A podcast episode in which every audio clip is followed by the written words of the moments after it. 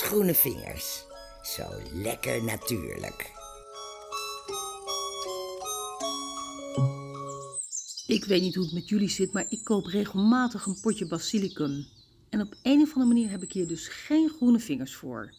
Want het lukt me bijna nooit om een mooie volle plant te krijgen. Als je nou goede tips hebt, dan hou ik me aanbevolen. Mail dan even naar rooiereporter.gmail.com. Dan heb ik een ander soort basilicum gevonden en dat is de wilde basilicum. Dan heb je er dus geen last van, want die is veel en veel sterker. Die geurige wilde basilicum die komt oorspronkelijk uit Afrika. Hij komt ook voor in India en China en hij wordt ongeveer 50 centimeter hoog. Met witte of lavendel, paarsachtig kleurige bloemetjes. Ik heb nu een heel klein bosje in een schattig vaasje op de tafel staan.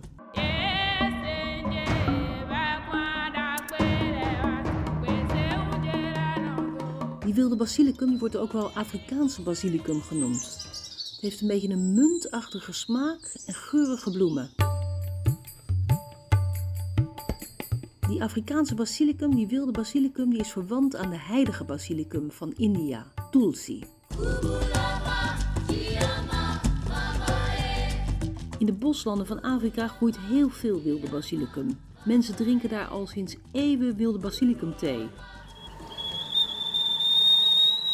En in India, waar het groeit, wordt het thee gedronken omdat het zou helpen tegen verkoudheid.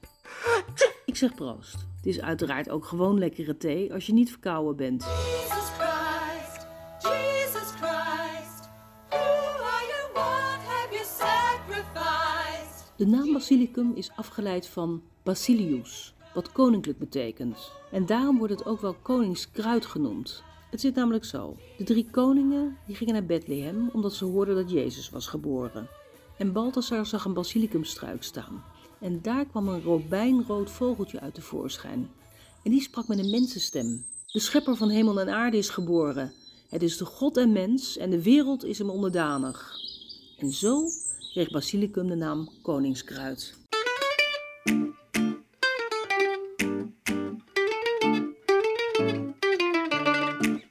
Basilicum heeft een hele sterke smaak en ook een sterk aroma. En dat is de reden dat de blaadjes meestal met de hand worden verscheurd.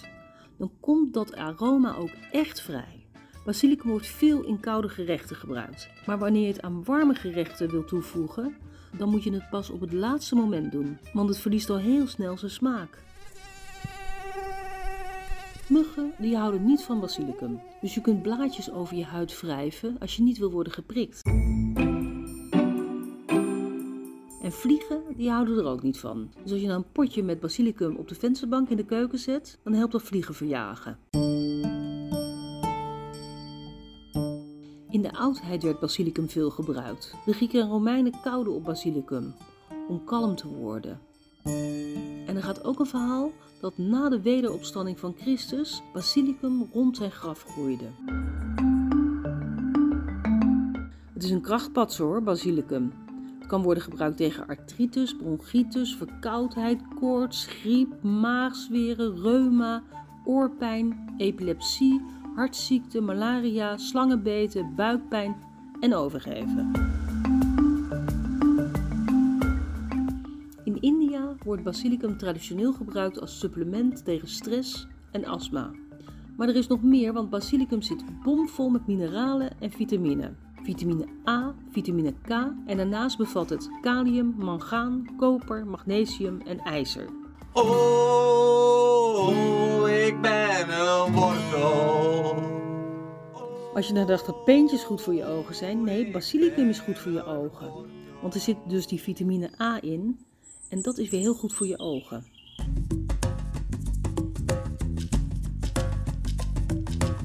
Afrikanen houden ook van basilicum hoor.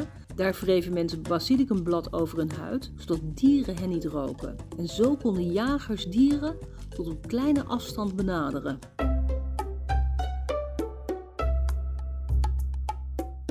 Basilicum is echt een ideale plant als je van kruiden houdt. Pas wel op waar je hem plaatst, want slakken die zijn dol op basilicum. Die vinden het echt een delicatesse. En voor je het weet zit je een beetje tegen verdrietige stengeltjes aan te kijken. Badia, badia. Ja, Het ligt natuurlijk voor de hand, maar we gaan lekker wilde basilicum pesto maken. Wat heb je nodig? 20 gram wilde basilicum, 20 gram parmezaanse kaas, 20 gram pijnboompitjes, een teentje knoflook, snufje zout en 50 milliliter olijfolie. Hoe maak je het? Je hebt een vijzel nodig, een staafmixer of een keukenmachine. Ik gebruik zelf een staafmixer. Je roostert eerst de pijnboompitten en dan pers je een knoflookteentje uit.